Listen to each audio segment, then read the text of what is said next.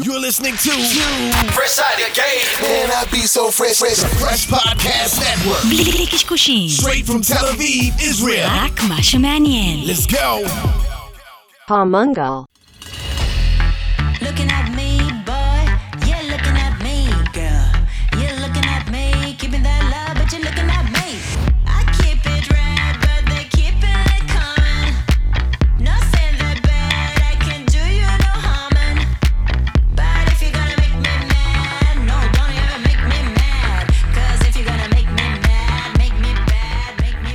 ואנחנו רצים פודקאסט המנגה, איזה מולטיטוג שיווק דיגיטל כרגיל. תודה לכל המאזינות מאזינים ברחבי הגלקסיה שמצטרפים אלינו, צוות המנגה ליוס הגדול חגי גולדובסקי, ופרק 140 חזרנו לארח.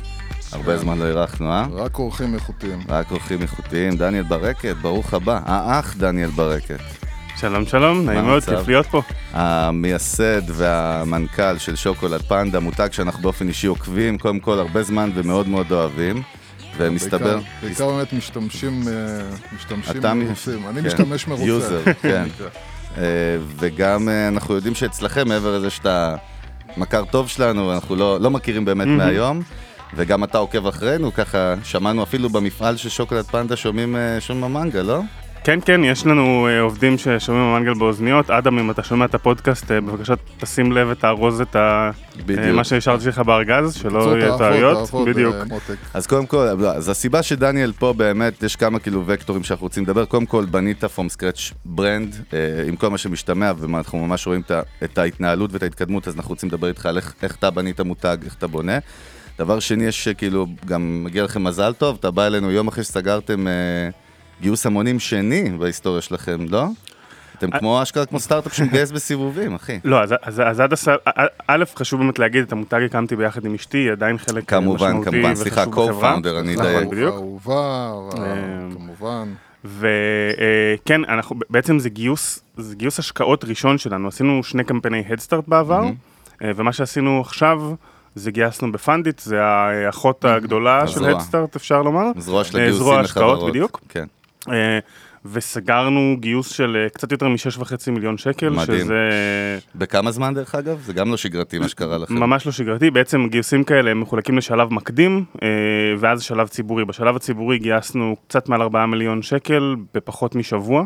אה, שזה משהו שלא היה עדיין בישראל, לא בכמות המשקיעים, לא בסכום שגויס. שלא בדומיין של טק וסטארט-אפים. גם לא בדומיין של. טק הדסטארט, לא, אני מדבר כן. על השקעות מימון המונים בכלל, לא היה באף דומיין. כן. אה, זה באמת, אה, בוא נגיד, הנחנו שהמהלך הזה יצליח, הכרנו את הקהילה שלנו, אבל לא היה לנו, בציפיות הכי גדולות שלנו, לא דמיינו שהוא יצליח כל כך מהר. מדהים, מה המטרה של ה fund הזה? כאילו בסופו של דבר להתרחב עכשיו לארצות הברית, נכון? כן, המטרה המרכזית שלו, אנחנו כבר שנה וחצי מוכרים אונליין בארצות הברית, זה הולך מעולה, אמ, ואנחנו רוצים להתחיל למכור בחנויות, כי, כי אנחנו מבינים ששם בסוף אנשים שהם קונים שוקולד בקניית אימפלס, הם צריכים את זה מול המדף, ב- מול העיניים שלהם, כן.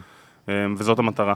טוב, אז אז רגע, זהו, וגם יש פה בכלל הקמה של חברה, הקמה של מוצרים, זה, זה, זה עוד פן כאילו של להקים ממש אה, חברה שצריכה להרוויח וצריכה להעסיק עובדים, ויש פה הרבה על מה לדבר.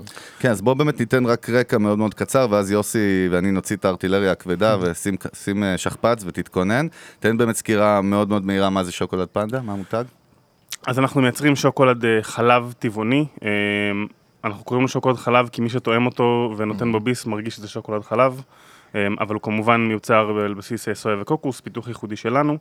אה, זה התחיל נטו מתוך תחביב שלי ושל אשתי, שנינו טבעונים. פשן? לגמרי. אה, י- יש שיאמרו שבעצם זה התחיל כי ככה ניסיתי להתחיל איתה, וזה קצת נכון. אה, אבל... אה, השקעת עליו, מפעל שלם בשביל להתחיל לא, לא, אותו, זה השקעה. התחלנו בתור תחביב, התחלנו לצאת תוך כדי הכנת השוקולד, אה, הפכנו לזוג, ואז המשכנו לעשות אה, ניסיונות במטבח, עד שהגענו למשהו שהיה לנו מאוד מאוד טעים, יותר מכל דבר אחר שטעמנו. אה, בדיוק לפני שש שנים עשינו קמפיין הדסטארט, הוא ממש היה אמור להיות משהו לתחביב מהצד תוך כדי דברים אחרים, תכננו לגייס 30 אלף שקל, גייסנו 210, אה, והבנו שיש פה משהו שהוא כנראה לא מעניין רק אותנו. אה, הקמנו מפעל בירושלים, לא היה לנו מושג למה אנחנו נכנסים, משרד הבריאות, אישורים, בירוקרטיה, עסק ישראלי עם כל כן. המשתמע מכך. עסק ישראלי, אבל, אבל, אבל עם כל, הביר, כל הרגולציה שאתה יכול כן. לחשוב עליה, מכל כיוון. אמ, זה לא היה פשוט, אבל באמת הקמנו את המפעל בירושלים, אנחנו מ-2016 אה, מוכרים בחנויות בארץ, ככה התרחבנו אה, בהדרגה מככה חנויות טבע ממש, היום אנחנו נמצאים גם ברשתות כמו AMPM, טיב טעם, שופרסל בחלק מהסניפים, אה, באמת בתפוצה יחסית אה, רחבה. אה, לפני שנה התחלנו למכור בארצות הברית, כי הבנו ש... הסתכלנו מה קורה בארצות הברית והבנו שאין מותג שעושה את מה שאנחנו עושים. כל המותגים שקיימים שם מדברים על בריאות, וההנחת יסוד שלנו זה שמי שרוצה לאכול שוקולד טבעוני רוצה שוקולד טעים, הוא לא רוצה שוקולד בריא. אה, נקודה לא שאנחנו- מעניינת. לא שאנחנו מוכרים משהו שהוא לא בריא, אבל זה ממתק, זה לא, כן. לא רוצים שוקולד... לקרוא. לילד בשמו, מה בדיוק. שנקרא. אמ, ו... ואחרי שנה וחצי של מכירות לסדר גודל של 7,000 אמריקאים, אנחנו יודעים ש... שזה נכון. זאת אומרת, אנחנו רואים את התגובות, רואים כן. את הקניות החוזרות, את איך שאנשים מדברים עלינו, ומבינים שזה באמת, לפחות לחלק משמעותי בשוק זה מדבר מה שאנחנו מציעים. אה, עברנו למפעל בטבעון לפני שנה, כי באמת הבנו, קצת פחות משנה, כי הבנו שאנחנו צריכים לגדול, והמקום בירושלים כבר לא התאים. אה, וגם כי נולד לנו ילד, רצינו להתקרב למשפחה. ואנחנו שנינו במקור מהצפון.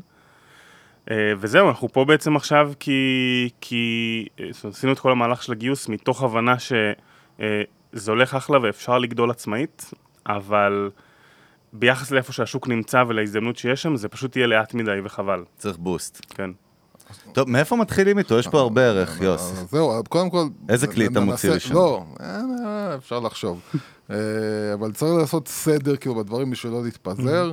אז בואו נדבר קודם כל, לפני שאנחנו מדברים על, על, על, על, על scaling ולהיכנס ל, ל, ל, לחו"ל ו, ושיווק ומיתוג, נתחיל בהתחלה. אה, בעצם אתם באתם איזשהו רעיון שלטעמי הוא, הוא סופר נכון, וזה באמת שאומנם אנחנו הולכים לקהל שהוא נישה, אנחנו מבינים שיכול להיות קודם כל שיהיה עוד uh, זליגה לקהלים אחרים, mm-hmm. שהם בעצם, בעצם רוצים משהו שהוא בסופו של דבר טעים, הוא במרכאות שחיתות, uh, uh, ואנחנו רוצים לתת משהו טעים. אנחנו לא מדברים על העניין של ה... באמת של טבעונות ובריאות והעולם יפה יותר, אלא עזוב, אנחנו רוצים משהו טעים. ואתם התחלתם בעצם במטבח שלכם, בקטן. אז איך באמת היום, אחרי כל המסע הזה, לא נדבר עכשיו כרגע על טעויות, אלא נדבר על מה אתה חושב באמת. שעשיתם, בטוח, אבל מה אתה חושב שעשיתם נכון, שככה לדעתך כאילו צריך לעבוד כשמתחילים מסע כזה. אני חושב שאם אני צריך לשים את האצבע על הדבר המרכזי ש... ש... שעומד בכל ההצלחה, כי, כי... כי זה לא התפעול והלוגיסטיקה, בסדר? אנחנו עושים את זה בסדר, כן. אבל, אבל לקח לנו הרבה זמן ללמוד את זה ועשינו אינסוף טעויות בדרך. הם, סלחו לנו עליהם, כי הצלחנו לגעת במשהו שאנשים מאוד מאוד רוצים. ואנחנו יודעים שאנשים מאוד מאוד רוצים את זה בראש ובראשונה, כי אנחנו מאוד רוצים את זה. זאת אומרת, כשאנחנו מדברים על הטבעונים שחייבים לנסוע לתל אביב כי נפתחה מסעדה חדשה ויש מנה חדשה שהם עוד לא טעמו, אנחנו כאילו נהיה שם בתור בעצמנו. כן. זה לא, זה לא שאנחנו זרים לקהילה הזאת, כן. אנחנו מאוד מאוד חיים את זה ואת ההתלהבות הזאת מ, מאוכל חדש ומלשחזר טעמים אה, אה, שגדלנו עליהם. וזה אומר שאנחנו יודעים לדבר את השפה הזאת ומבינים את הצרכים של מי שקונה אותנו בצורה אה, אה, מאוד מדויקת. אז כשגדלנו, ועוד פעם, אני מדבר על 2016, היום חלק מהמסרים האלה, אם, אם חברה אחרת הייתה היום עושה את אותו דבר, היא כנראה לא הייתה מצליחה באותה מידה, כי, כי עברו חמש-שש שנים, חלק מהמסרים כבר נשחקו. ה- אתה אומר שהטיימינג היה גם מדויק ברמה הספציפית של המוצר הזה? כן, הי- הי- היינו אחד, אני חושב שהיינו המותג הראשון שעשה קמפיין הדסטארט בקהל הטבעוני, ואז להגיד דברים שאני עומד מאחוריהם במאה אחוז, אבל מאז כבר נשחקו קצת, אה, לב- לבוא ולהגיד דברים כמו, אנחנו מאמינים שזה לא רק שוקולד טעים, אלא שאם הוא יהיה על המדף, יהיה ליותר אנשים, יותר קל להפוך לטבעונים, או לא- להפחית צריכה. להנגיש. כן, וזה משהו שאנשים, אנשים, כולל אני, מתחברים אליו ברמה האידיאולוגית, זה לא רק שאני רוצה את השוקולד, אני רוצה שהוא יהיה קיים, כי הוא מקדם משהו שאני רוצה שיהיה קיים. זאת אומרת, יש פה ערך שהוא, שוב, למרות שזה ביזנס, נדבר, כמובן, אנחנו מדברים על עסקים בסוף, אבל יש אצלך את הערך הזה שהוא הוא לפני הכסף, מה שנקרא, נכון? הוא חלק מאוד משמעותי במה שאנחנו עושים ובבחירות שאנחנו עושים, ולא רק שהוא חשוב לנו, הוא חשוב לחלק לא מבוטל מהצרכנים שלנו. ו... ואני חושב שזה משהו, כש... כשבהתחלה עשינו את הקמפיין הדסטארט, אה, הוא מאוד דיבר לאנשים, והוא מאוד אה, אה, הצליח להניע אותם, וזה נשאר שם מאז, אנחנו, אנחנו עדיין שש שנים אחרי, מאוד מאוד היום אולי קצת פחות, כי יש פחות מה להגיד, אבל אנחנו מאוד משתפים את הקהילה שלנו, באיזה טעמים אנחנו עושים, באיזה, באיך יראה הלוגו שלנו. אה, שים לב ש- ש- ש- שהוא גם דניאל אומר את המילה קהילה, עוד לא דיברנו בכלל על הכוח של הקהילה זהו, של שוקולד פנדה. אנחנו ישר קפצנו שוב כן, קדימה, ולא- כן. ולא עצרנו על מה ש- מה שהתכוונתי אליו. מה אוקיי. שהתכוונתי אליו, היום יזם, לא, לא. לא, הוא יזם, יזם היום אומר כאילו, אוקיי, אני רוצה לעשות, נגיד, מזון, שוקולד, לא משנה מה. לא, אבל נגיד, מזון, לא משנה מה. פלאפל של אני. צריך להתחיל, מחר אני צריך לגייס 6 מיליון שקל, מפעל. ו- וזה לא נכון, זאת אומרת, צריך להתחיל בקטן, וצריך לעשות כמה שלבים כדי להבין שאתה עושה ולידיישן למה שאתה עושה, שמה שאתה עושה זה נכון. איך אתם עשיתם את זה מקטן, קטן, קטן, ועד שהבנתם, כאילו, אוקיי, זה הולך, זה מצליח, בוא נגדל, בוא, כאילו, זה לא, מה יוס שמעניין. צודק, איפה- איפה הייתה הוולידציה או ה-due diligence, כמו שאנחנו קוראים לו, הראשון, נגיד, שאתה אומר, אוקיי, יש אצלי בראש חזון ופשן, אבל בוא, בוא כאילו, אנשים, כאילו, איפה- איפה הייתה הנקודה? אז אוקיי, זו נקודה מעולה, אני חושב ש... אמ, אנחנו אמנם עשינו הרבה דברים בשש שנים האחרונות, אבל אנחנו גם מאוד שמרנים בהרבה דברים. אמ, אם היינו מגייסים 6.5 מיליון שקל בהדסרט הראשון, כנראה שלא היינו פה היום, כן. כי היינו שורפים אותם לדברים הלא נכונים. אמ, ו... אמ, א', ההדסטארט בעצמו, הראשון, היה proof of concept. הכסף הוא לא היה האישו. אה, גם היום, כשאנשים שואלים אותי על הדסטארט, מאוד מאוד אוהב את הפלטפורמה. היא דרך מאוד יקרה לגייס לא הרבה כסף. כי אם אתה מסתכל על הנטו בבנק שנשאר לך בסוף התהליך. אוקיי. היא דרך נהדרת לדברים אחרים, וולידציה זה אחד מהם. אז לצורך העניין, מראש כשבנינו את הקמפיין הדסטארט, הוא נועד להיות ניסוי ראשוני ל- לקב- לה- להבין אם זה מעניין מישהו. אה, וזה התבטא בכל מיני דברים. לדוגמה, אמ, עשינו מוצרים שונים במחירים שונים. רצינו לראות אם השוק יותר יעדיף מוצרים יותר איכותיים וקצת יותר יקרים, או את היותר זול. כן. אמ, ברמה הכי טכנית, תמיד כשעולים לקמפיין הדסטארט אז אומרים תשתף את כל המשפחה ואת החברים. אני שלחתי כן. מייל לכל המשפחה שלי, אומרים לי תקשיבו, אתם יכולים אם אתם רוצים, אבל אל תשימו הרבה כסף, כי אני רוצה לראות שהלקוחות קונים את זה, ולא ש... זה מה שנקרא לא חוכמה. ולא שסבא תמך, כאילו סבא כן, אוהב כן. אותי, זה בסדר, אבל, זה לא העניין של, אמ, הקמפיין הזה. אז, התבטא אז. גם בארצות הברית התחלנו מאוד סקראפי, זאת אומרת, אני בניתי בעצמי אתר בווקומרס, פעם הייתי מתכנת ו, ומדי פעם אני מתגעגע לקודד קצת. כן. אמ, בניתי בעצמי אתר, אה, אפילו חיברנו אותו רק ל PayPal, אפילו לא סליקת כרטיס אשראי, רצינו, והתחלנו להביא traffic בתשלום. בסדר? הכי מה, אז פשוט. לייצר performance, כאילו, פלטפורמות? רצינו לראות שני דברים. אחד, אם אנחנו יודעים לקנות traffic ולתרגם אותו למכירות. שתיים, האם אנשים שקנו פעם אחת קונים שוב. ה retention, אמ, מה שנקרא. כן. בהנחה ושני הדברים האלה טובים, אפשר לעשות פה אינסוף דברים ב scale-up, שאגב, את רובם עדיין לא עשינו. זאת אומרת, אנחנו אמ, שנה וחצי אה, פלוס מינוס, עם הפסקה של איזה שמונה חודשים בגלל הקורונה, מוכרים בארצות הברית. הגענו לסדר גודל של 30 אלף דולר מכירות בחודש בחודשים היותר חזקים, בחורף האחרון. וזה עדיין די scrappy, כאילו זה אתר שאני בניתי, וזה עדיין אה, רק PayPal, ואנשים כועסים שהם לא יכולים לשלם באשראי. אבל יש פה איזו נקודה מעניינת, אותו DD שעשית כאילו בקמפיין הראשון, בעצם עשית, עשית אותו עכשיו לפני הגיוס הזה, עשית אותו לבד, את ה-due diligence הזה, זאת אומרת, על השוק האמריקאי. לא רצינו לגייס כסף, להתרחב בשוק האמריקאי, לפני שיש לנו קייס שאנחנו מאמינים בו, עזוב כן. משקיעים, אה, שאנחנו ברור. מאמינים בו ש... אה, אה, שבאמת יהיה שוק. כי, כי יכולנו לקבל סטירה בפרצוף ולהבין שהאמריקאים, נגיד הרבה אנשים אמרו לנו אה, שבארצות הברית הרבה יותר חשוב עניין הבריאות.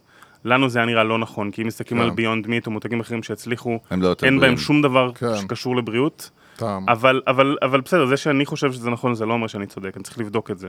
אתה אומר, אה, זאת אומרת, כל ההנחות יסוד שלנו כיזמים, או אפילו כאנשי שיווק, שזה גם מדויק מאוד, יש מה שיש לנו בראש ויש את השטח, והשטח אה, אומר את שלו בצורה מאוד מאוד ברורה. נכון, אה, עוד פעם, זה בסדר לבוא עם היפותזה ואינטואיציה ולהביא דברים, כי אין, לא הכל מדיד, אבל מה שאפשר למדוד ומה שאפשר לבדוק, בטח אם זה הנחות יסוד שהן קריטיות להצלחה.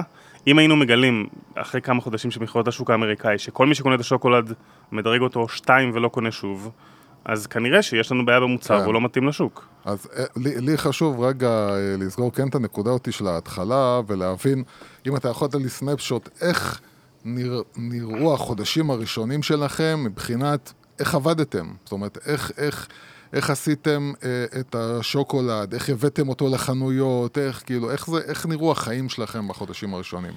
אז, אז ב-2000 ו- ביולי 2015 עשינו את הקמפיין Headstart. אמ, בסדר גודל של חצי שנה אחרי החיים שלנו היו אה, מאוד מוזרים, כי היינו צריכים לספק סדר גודל של עשרת אלפים טבלות שוקולד שמכרנו בקמפיין. הכי הרבה שייצרנו אי פעם בבת אחת היה שש טבלות.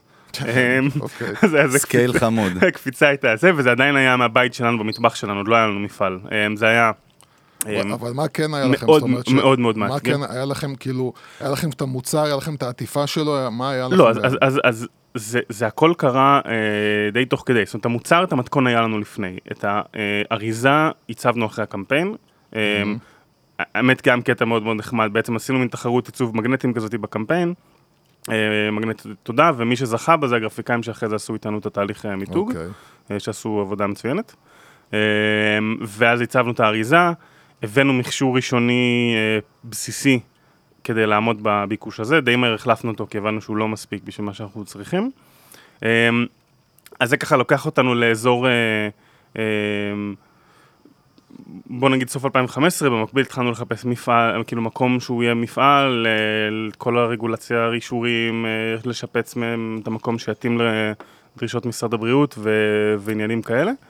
אה, ו, ואז התחלנו לאט לאט אה, להביא עוד מכשור, להביא עובדים, להגדיל את קצב הייצור. אה, ב-2000, ב- בסוף 2016 התחלנו להפיץ לחנויות. בהתחלה זה היה ממש כמות קטנה של חנויות, היינו נוסעים ומספקים להם ישירות, אנחנו... אה, מה זה אומר? איך עושים את הסייל הראשון בכלל? איך מייצרים מערכת יחסים? איך זה עובד? המותג שלנו התנהג בצורה מאוד לא אופיינית. ה- הסל הראשון התנהל בזה שאותם 2,500 תומכים בהדסטארט הלכו לחנויות ונוצר לנו waiting list של זה 200 מ- חנויות ראשונות. זאת אומרת, הם כבר נהיו brand ambassadors ממש. אה, א', הם עדיין brand כן, זהו, ambassadors. נדבר על זה עוד מעט, אני בכוונה רוצה להתייחס לקהילה יותר כן, מדי. אמ, זה, באמת התנהל, אה, בגלל זה אני אומר שהכוח של הדסטארט בצורה הזאת, הוא, הוא, הוא, אין, אין שום דבר שמקביל אליו, כי אה, ב- באמת המאה חנויות הראשונות שנכנסנו אליהם, זה היו אנשים שפנו אלינו וביקשו להביא את המוצר אליהם, כולל אה, טבע קסטל, ניצת הדובדבן, שאנחנו בהתחלה היינו, אמרנו להם שאנחנו נורא רוצים, אבל אנחנו באמת לא יכולים לעמוד כרגע, ו...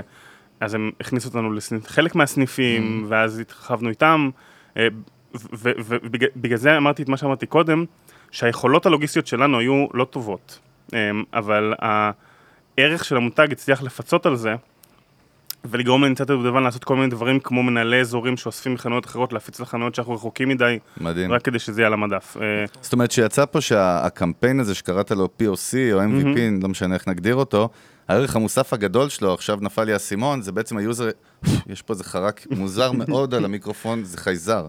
אה, היה user acquisition, זאת אומרת first user acquisition, ממש רכשתם את הלקוחות הראשונים. לגמרי, לא את, את הלקוחות ואת האנשים שמרגישים, ואגב, הם מרגישים בצדק, שהם אחראים ל... חלק מה... חלק, מה- מה, חלק מהמותג. אמ, ו, וכן, זה באמת משהו שהוא אה, היה פיצה על החוסר יכולות והניסיון שלנו בדברים אחרים. זהו, ומה, ומה, ומה אתה חושב ומאמין שגרם לאנשים, אה, שני דברים, גם בהדסטארט בעצם אה, לבוא ולהגיע, ולהתחבר כל כך מהר אליכם, אבל מה גם גורם לאנשים אחרי זה להיכנס לחנות עצמה ולרכוש את המוצר? אז אני חושב שזה שילוב של שני דברים מרכזיים. Uh, הראשון זה שגם המוצר ברמת המוצר באמת עונה על צורך של אנשים. זאת אומרת, הם באמת רוצים אותו על המדף, וכמו שאמרתי קודם, הרבה מהם רוצים אותו על המדף לא רק בשבילם, אלא הם רוצים שהוא יהיה על המדף בשביל, בשביל שהוא יהיה על המדף, כי זה מקדם משהו שהם מאמינים בו. אג'נדה. כן. Uh, הדבר השני, שאני חושב שהצלחנו, uh, uh, בטח בהתחלה, בקמפיין הארסטארט הראשון, uh, לתקשר וליצור שקיפות ו- ו- וקשר אישי מאוד מאוד משמעותי. זאת אומרת, אנחנו כתבנו את כל הפוסטים, עד היום אנחנו כותבים את רובם בעצמנו. אמ, ואני חושב שאנשים התחברו והרגישו, ובסוף זה סיפור, כאילו רגע אני אקח את הכובע הציני והטכני, אבל בסוף זה סיפור נורא חמוד, זאת אומרת יש פה זוג צעיר שעושה שוקולד, זה נורא רומנטי, וזה כן. חמוד, ו- ואנחנו מקימים עסק. ו- והרבה אנשים כאילו ראו את זה והתחברו לזה. התחברו הסיפור- גם אליכם, מעניין, כן. נכון? ברמה האנושית. זאת אומרת, הסיפור של מאחורי השוקולד היה בפרונט, אני מבין. נכון, עכשיו אני חושב, אני חושב שסיפור, סיפור טוב הוא יכול להחזיק עד שלב מסוים, הוא לא היה ממשיך לעבוד עם המוצר, הוא לא היה מחזק אותו ו, אמ, ו- ותומך בו וגורם לו להתקדם הלאה, אבל השילוב בין הסיפור הטוב והאידיאולוגיה לבין זה שהמוצר באמת מגשים את מה שהוא הוא מבטיח להגשים, אני חושב שגרם לאנשים כאילו ל- לרצות להיות חלק מהדבר הזה. תגיד, איך כאילו, אתה מדבר גם על תקופה, שוב, זה נשמע כזה בטיימליין, פתאום, כן, עשינו קמפיין סטארט, אני ואשתי במטבח, פתאום בום, פתאום קונים ציוד, פתאום מפעל, מה- איך מתפרנסים באותה תקופה? מה קורה בכלל? הרי אתה מספר לי גם שאתם לא בעצם היזמים הקלאסיים ב state of mind שאמרתם, אני הולך לבנות אימפריית שוקולד, זאת אומרת, התחלתם באמת מ passion, ואני מניח שצריך גם להתפרנס בסוף. א- איך- איך שרדתם בתקופה הזאת? אמ, אז, אז מהאקזיט הראשון שלך? בדיוק. כן, קודם כל, מ- מ- כן. אה, לפני זה, אה, א', התחום היזמות היה קרוב לליבי עוד לפני זה, יותר בעולם היזמות החברתית, עמותות ודברים שקשורים לזה, אבל ככה, היה, היה לי ברור שמתישהו, באיזשהו פורמט, אני אקים משהו. חשבתי שזה יהיה סטארט-אפ ולא שוקולד, אבל בסוף הקמת סטארט-אפ של כן. שוקולד. אמ, אבל אה, זה היה ככה בראש, זה לא שזה בא out of אוקיי. the blue, אמ, זה פשוט היה נראה כמו ההזדמנות הנכונה אחרי, אחרי ה-POC שעשינו. אמ, איך התפרנסנו? אמ, חלק מזה מהכסף שגייסנו מהדסטארט, אבל זה היה נגמר מאוד מאוד מהר. חלק מזה זה החסכונות שלנו. זאת אומרת, בגדול זאת אומרת, הימרתם על זה, עולים, כן. מה? כן. לקחנו את כל הכסף שהיה לנו, אמ, חלק, חלק בכוונה ובמודע, חלק בהמשך כשפתאום אה, נגמר הכסף והיינו צריכים לשלם משכורות, אבל, אה, אבל כן. אז, אז אני אומר, יוס, אנחנו תמיד מדברים יזמות, אה, יש פה פונקציה של all in, אתה לא יכול לשחק חצי דרך, יש פה הימור שעושים. אם אתה רוצה לעשות אימפריה, כן. אה, אבל אם, מה שאתה, עד, עד איפה שאתה מוכן לגלות ולספר לנו, מה הסדר גודל של ממון שצריך בשביל אה, להרים את הדבר הזה עד שהוא מתחיל להצדיק את עצמו? להצדיק את עצמו, אתה מתכוון שהוא מתחיל לייצר revenue? שהוא מתחיל, כן, לייצר אה, רווח. אמ, אז, אז א', אמ, בזכות הקמפיין רוב המידע הזה בכלל חשוף, זאת אומרת אפשר לראות את הדוחות הכספיים האחרונים שלנו ודברים כאלה, אז אני מרגיש די, די פתוח לדבר על דברים כאלה כרגע.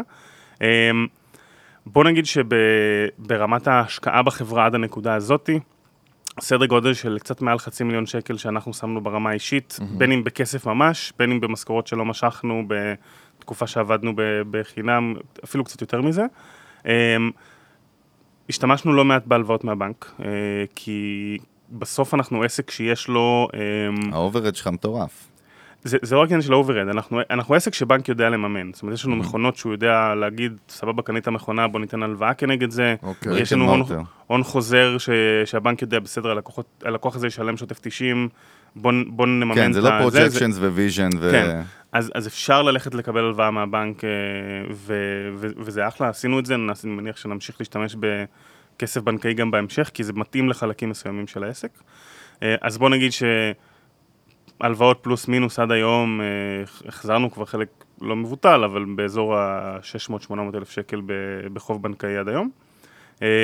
אז תסכום את זה, יוצא משהו כמו מיליון וח- מיליון נקודה שתיים, מיליון נקודה... שזה מה, לשנה ראשונה? לא, טוטל. זה לקח אותנו, הגענו לבריק איבן אה, בגדול ב-2019, אה, לפני זה פעלנו בהפסדיות, בעיקר, עוד פעם, זה משהו שלא ידענו לצפות ולא היה לנו מושג כי לא באנו מהעולם הזה, אבל העלות, התפעול והייצור שלנו הייתה הרבה יותר מדי גבוהה. זאת אומרת, עבדנו, אוקיי. ב- בהתחלה עשינו ייצור ידני, ו- ואם אנחנו מסתכלים אחורה ומסתכלים על התקופה הזאת, בגדול נתנו את המוצרים שלנו אה, כמעט בחינם.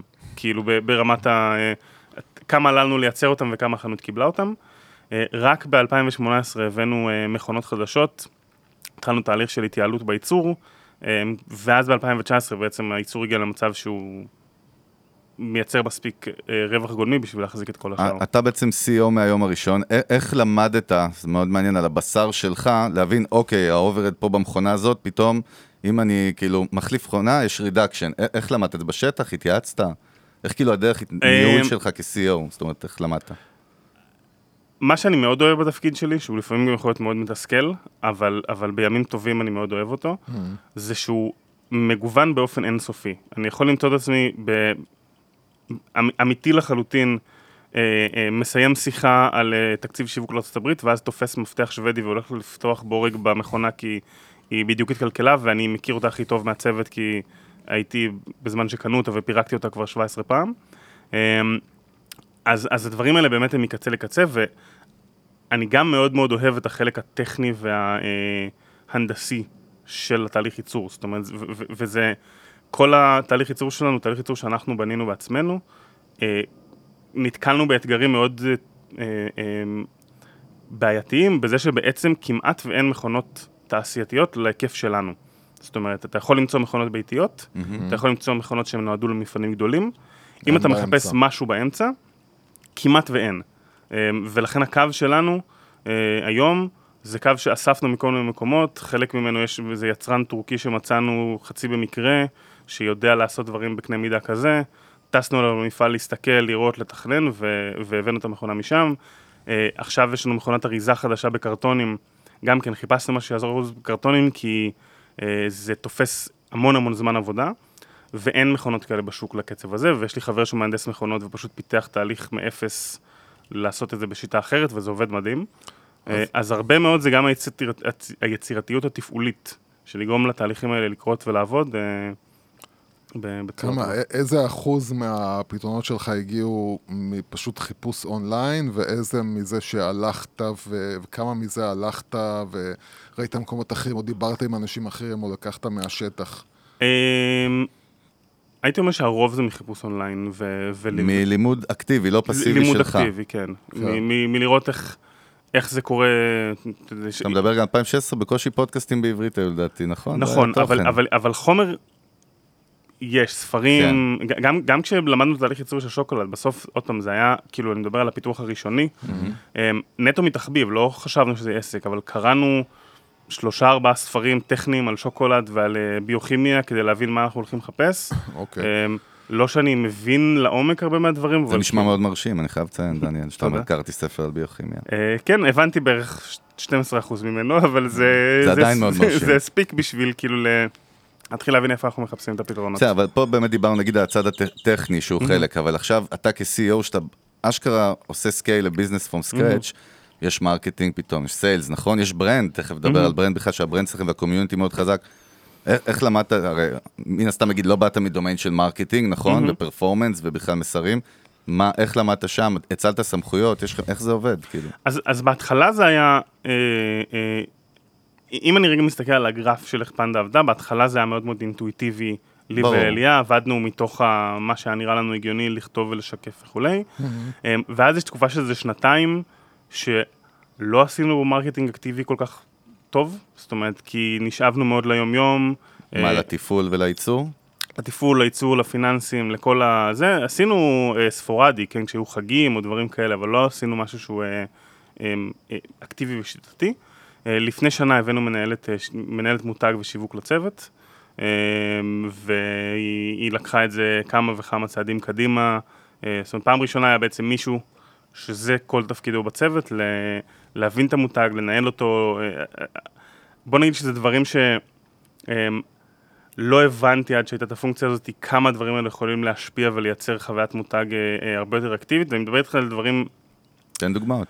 אני לדוגמה לא הייתי חושב על זה בחיים, אבל כשעשינו את ה, אה, אה, עכשיו את הקמפיין, אה, אז, אז הדס, היא המנהלת שיווק שלנו, הוא מנהלת בוא נרים לה קצת, הדס. לגמרי מה? אפשר להרים לה, היא הדס. בדיוק עכשיו על טיסה לאמסטרדם לדעתי, אבל מגיע בכלל לה, אני מרים כן. לה, אני מקנא בה ומרים לה ביחד. אז, אבל לגמרי מגיע לה, אז, אז אני אתן דוגמה ככה, כשהתחלנו את הקמפיין הזה, אז באמת התחלנו מלהגדיר את המסרים השיווקיים המרכזיים. עכשיו, הדבר הבא, חשבנו ככה, אוקיי, צריך עיצוב גרפי, צריך סרטון, צריך ככה.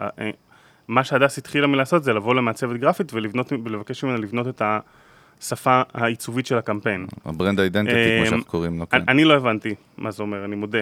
אה, הבנתי מה זה אומר לעצב אה, מסמך למשקיעים או לעצב איזה, אבל לצורך העניין זה יצא עם אה, אה, שפה עיצובית, פונטים, אה, צבעים וכולי. עכשיו, ואז כשהמעצב, צלמת, קיבלה שוקולד לעשות תמונות, היא השתמשה ברקעים שהם בצבעים של הקמפיין. וכשעשינו את הסרטון, אה, והיה כמה שוטים שהיינו צריכים לצלם על רקע, אז לקחנו את הצבעים של הקמפיין.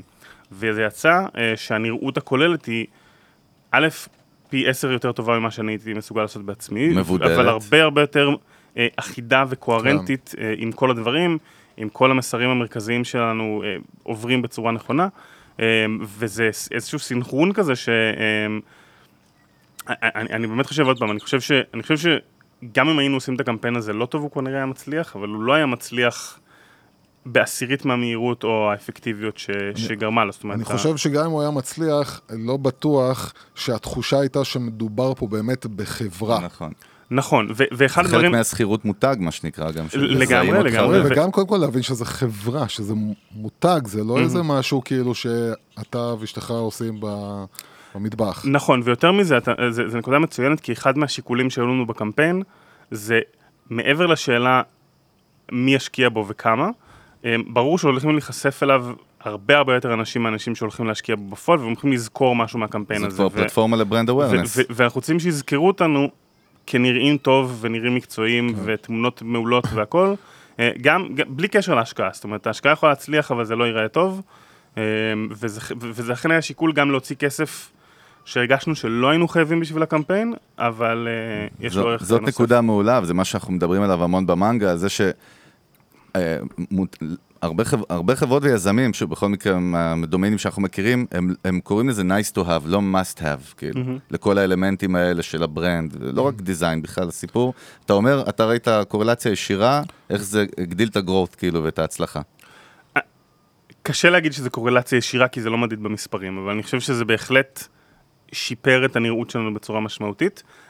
אני כן רוצ- אגיד אבל משהו אחד על זה, אמ, אני חושב שזה מאוד חשוב, בטח בגדילה, לא הייתי נותן לזה להיות המחסום להתחלה, זאת אומרת הקמפיין הדסרט שהעלינו, הראשון, לא נראה טוב, יש בו לוגו שאחותי צעירה, אני מאוד אוהב את אחותי, כן, אבל הוא אבל לא שוב, לוגו מקצועי. אני לא, אני לא משווה את אמ, הסטייג' ההוא, כי כן, לא, באמת זה בסדר, היה מאוד נכון. גולמי וזאת הייתה אה, התחלה. והסרטון שלנו הוא סרטון ששני ילדים חמודים בתיכון צילמו ב-700 שקל, אז זה, זה בסדר להיראות רף בהתחלה, לא צריך כאילו אני- לרצות אני- להיות כ- אני רוצה להתחבר. למה שאתה מדבר, כי, כי אתה יודע, יש לנו את אה, קבוצת המנגליסטים ובפייסבוק, ושם אה, באמת אנשים, אה, גם אנשים, גם יזמים כאילו עולים, ולפעמים אתה רואה שמבזבזים המון אנרגיות על דברים שבאמת לא צריך לבזבז עליהם אנרגיות, אם בשלב הזה ואם גם לפעמים בכלל.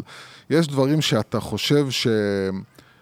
שבאמת לא צריך לבזבז עליהם את הזמן ואת האנרגיה ולהמשיך הלאה. אני חושב שעל רוב הדברים לא צריך לבזבז את הזמן, ואני חושב שבסוף, באמת, אם צריך כאילו להיות הכי אה, אה, זה, אה, אני מדבר עלינו, זה כמובן שונה ממקום למקום. ה- אמ, ב- באמת השאלה האם אנשים אוהבים את המוצר שלנו ורוצים אותו שוב, זה מה שעומד בבסיס של הכל. אוקיי. אמ, אה, עשינו עיצוב, באמת אני אומר, הקמפיין היצאת הראשון שלנו, um, התמונות של השוקולד נראות די טוב, כי אח שלי צלם והוא צילם אותם בצורה טובה, um, אבל כל השאר לא. כן. Um, זה הצליח לא בגלל זה, אלא למרות זה, זה הצליח כי המסר והמוצר היה מספיק מעניין, וזה המשיך להצליח כי אנשים טעמו את המוצר הזה, והוא באמת היה שונה משמעותית ממה שהם רצו. ואז כל הסיפור מסביב מתלבש טוב על הדבר הזה, אבל אה, בסוף השאלה האם מה שאתם אה, מייצרים הוא מייצר ערך לאנשים והם רוצים אותו? ברמה המוצרית אתה מדבר, או בשירות. בשירות, לא כן. משנה. הדבר שעומד בבסיס של העסק, אם זה עובד, מדהים ואפשר להלביש את זה, ועוד פעם, אני לא נגד סיפורים ואני לא, לא, לא נגד מותג, ממש לא הפוך, אבל, אבל זה, זה צריך להיות ה, ה, התוספת היפה מלמעלה שתומכת וגורמת לזה להיזכר בזיכרון, ולא ה... אה, כי הרבה פעמים, ועוד פעם, לא, לא בא פה נגד שום דבר ספציפי, אבל הרבה פעמים הסיפור הוא המרכז. ואז המוצר לא תומך בו, וזה, וזה, וזה, ואז זה קורס די דרך. אגב, כן, סיפור כן. שהוא במרכז אומר שהמוצר לא מספיק טוב. אנחנו, בתור בוגר המנגל, אתה יודע שאנחנו מדברים פה תמיד, אנחנו נותנים disclaimer כל כמה פרקים, שכל מה שאנחנו מדברים, אנחנו לא מדברים על product בפ- בפודקאסט הזה, אנחנו סומכים על זה שהמוצר או השירות צריכים להיות מעולים והלאה. זאת אומרת, ודאי שלא, ראה ערך פסטיבל פייר, מיתוג מדהים, סיפור מדהים, אין כלום. אבל זה ברור, אבל אותי מעניין אה, אה, אלמנט אחר, בגלל שאתה בסוף, אני זה, לא יודע אם להגדיר את זה direct to consumer או לא, יש זרוע שהיא direct, בסוף יש לך מוצר שהוא על מדפים, mm-hmm. אני לא מדבר על האי-קומרס, תכף נדבר עליו בנפרד, ויש משהו ש-intrigues intrigues me, זה פשוט נשמע יותר טוב באנגלית, יוסי, איך אומרים את זה. בעברית? זה מתחיל. להיות ארוך עכשיו. יוסי, זה קצר, שאלה ידרק. של שעה. שאלה אה, של לא, שעה, אז זה. באמת מרתק אותי, גם את יוס בכלל, אנחנו מדברים תמיד על מיתוג, איך מקבלים החלטות, איך צרכנים מקבלים החלטות, יש בזה אלמנטים של תת מודע ועניינים. בסוף, השוקולד שלך יושב על מדף עם עוד כמה שוקולדים, עם עוד כמה מותגים. מה לדעתך, גם כיזם, כמישהו שמתעסק עם זה, מה, מה הטריגרים שגורמים לבן אדם להחליט אם הוא הולך ימינה או שמאלה? אז אני חושב שזה, אה, יש, יש עולם שלם שזה מה קורה על המדף, וזה באמת אה, שהעיצוב צריך להיות מסקרן ומושך ויפה ו, ועוצר את העין וכולי. אה, הוא בעיקר, אגב, מה שרוב המחקרים מראים, וזה נורא מעניין, הוא בעיקר צריך להיות זכיר, זאת אומרת, זה פחות יפה, פחות טוב אם הוא יפה או מיוחד, יותר חשוב שהבן אדם פעם הבאה שהוא יהיה, הוא יזכור שהוא קנה את זה. זה אוקיי. באמת כמעט הדבר הכי משמעותי. אה, בגלל העומס שהוא רואה והשפע. כן, בדיוק. אה, איך לבלוט בתוך כל הרעש. ו... אבל, אבל אני, אני חושב שה...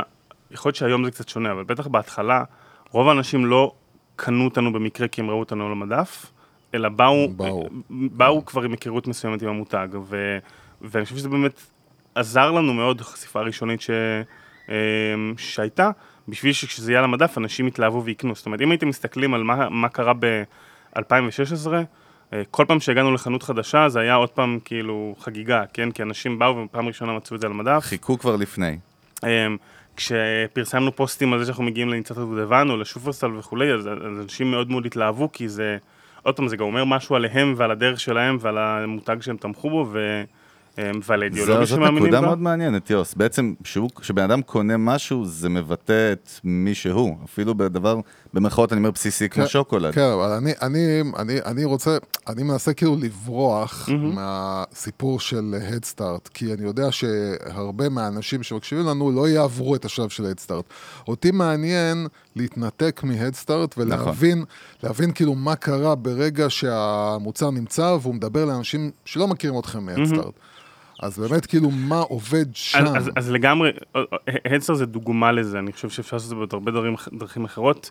אה, אני חושב שעוד דוגמה לזה זה שאנחנו, אה, בישראל יש הרבה מאוד קבוצות פייסבוק טבעוניות והן מאוד אוקיי. מאוד פעילות. אוקיי. אה, ואנחנו, קודם כל כצרכנים בעצמנו, מאוד מעורבים בהם, אה, אבל גם ב- בתור אה, הכובע של פנדה. אני אומר ב... ביטחון של 99 אחוז, שאם היום יעלה פוסט בקבוצת פייסבוק בארץ שמדבר על המוצר שלנו באיזשהו אופן, אנחנו נראה אותו, ואם הוא נגיד יגיד שיש תקלה, או קניתי מוצר פגום, או לא יודע מה, אנחנו נענה לו ב...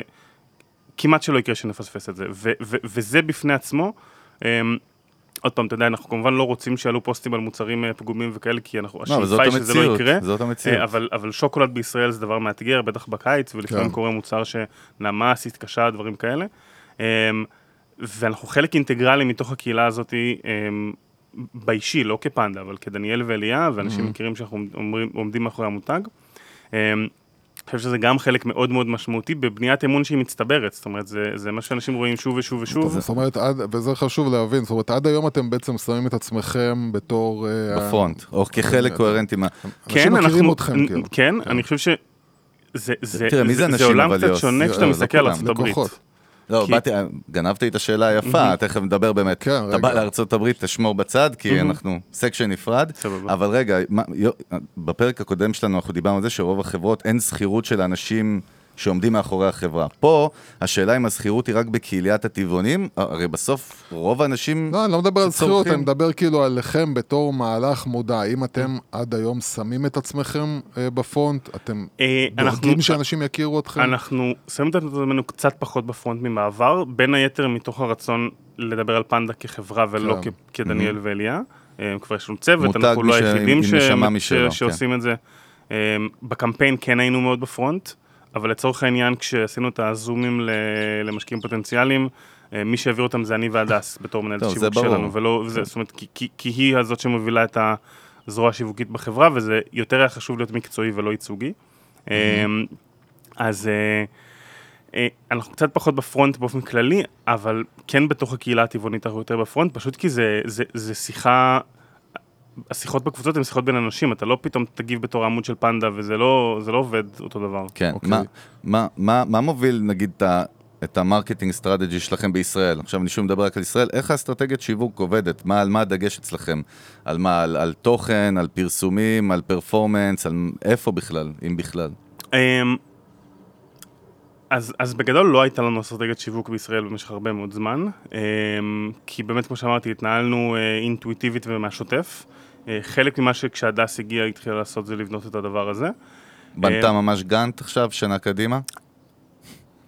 זה, זה, היא תצחק אם תשאל את השאלה הזאת, כי מה שקרה זה שהיא בנתה גאנט כזה, ואז אמרנו הולכים לגיוס ושרפנו את כל הדברים. סבבה. אה, זה גאנט יותר טוב. כן, כל העבוד, כאילו, זה לא, Game Changer כי זה גם משנה תקציבים וזה כן. משנה הרבה דברים, אבל כן, בעצם בנינו תוכנית קדימה שהיא מדברת על איזה בעצם,